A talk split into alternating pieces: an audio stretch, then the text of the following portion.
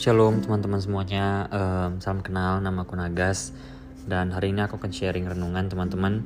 Um, Yang judulnya segala sesuatu diawali oleh Tuhan. Dan sebelum kita masuk ke renungannya teman-teman Mari kita bersatu dalam doa terlebih dahulu. Mari kita bersatu dalam doa Bapa kami di surga, terima kasih Bapak untuk kesempatannya Tuhan pada hari ini. Bersyukur Tuhan bisa mendapatkan kesempatan Tuhan untuk bisa mendengarkan firman-Mu. Tolong bukalah hati hambamu ini Tuhan untuk mendengarkan kebenaran firman-Mu sehingga firman-Mu Tuhan tidak hanya didengarkan tapi juga tertanam Tuhan dengan baik dalam hati kami. Berikanlah hambamu ini Tuhan kepekaan Tuhan untuk mendengar dan mengerti firman-Mu. Berbicaralah Bapak, hambamu sangat-sangat siap Tuhan mendengarkan apa pun yang mau Engkau sampaikan Tuhan berdoa bersyukur dan berserah kepadamu Tuhan di dalam nama Yesus Kristus. Haleluya. Amin. Amin. Jadi shalom teman-teman semuanya. Um, renungan hari ini sebenarnya sharingnya tuh bahannya lebih tepatnya. Aku dapat karena aku baca dari satu buku, um, buku yang ditulis oleh Rick Warren. Um, judul bukunya The Purpose Driven Life untuk apa aku ada di dunia ini. Jadi ya kayak ada buku ini diterjemahin ke Indonesia juga dan puji Tuhan sangat sangat berkati aku um, yang aku akan yang aku akan sharingkan tuh um, sedikit aku ambil dari buku ini gitu. Jadi judulnya tuh segala sesuatu diawali oleh Tuhan dan ayatnya teman-teman yaitu kita mau baca dulu di Kolose 1 Kolose 1 ayat 16. Kolose 1 ayat 16 bunyinya gini, karena di dalam dialah telah diciptakan segala sesuatu yang ada di surga dan yang ada di bumi yang kelihatan dan yang tidak kelihatan, baik sana maupun kerajaan, baik pemerintah maupun penguasa, segala sesuatu diciptakan oleh Dia dan untuk Dia. Nah, kenapa teman-teman aku mau sharing ini? Karena um, aku lebih ke pengen ingatin kita semua lagi um, dan pengen ingatin aku juga kalau aku tuh kita tuh teman-teman diciptakan oleh Tuhan dan harusnya untuk Dia juga gitu. Jadi terkadang kita mencari tahu tujuan hidup kita di tempat yang salah, teman-teman kita nggak akan bisa ketemu arti kehidupan kita kalau kita lihatnya tuh ke dalam diri kita. Kalau kita carinya tuh di orang lain. Kalau kita carinya tuh di dalam kita gak akan ketemu teman-teman. Karena sadari teman-teman yang menciptakan kita tuh bukan kita sendiri. Kita nggak menciptakan diri kita sendiri teman-teman. Jadi nggak mungkin kita dapat mengatakan untuk apa kita diciptakan. Aku ulangin ya teman-teman ya.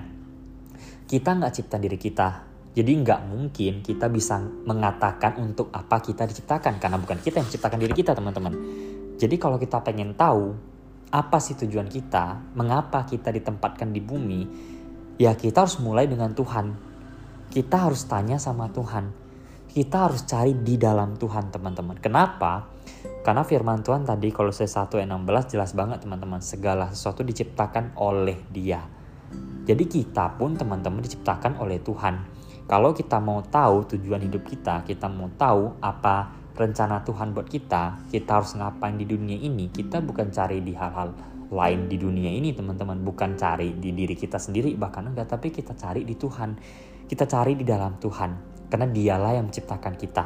Dan teman-teman gak hanya berhenti di, di kita diciptakan oleh Dia, tapi kita juga diciptakan untuk Dia.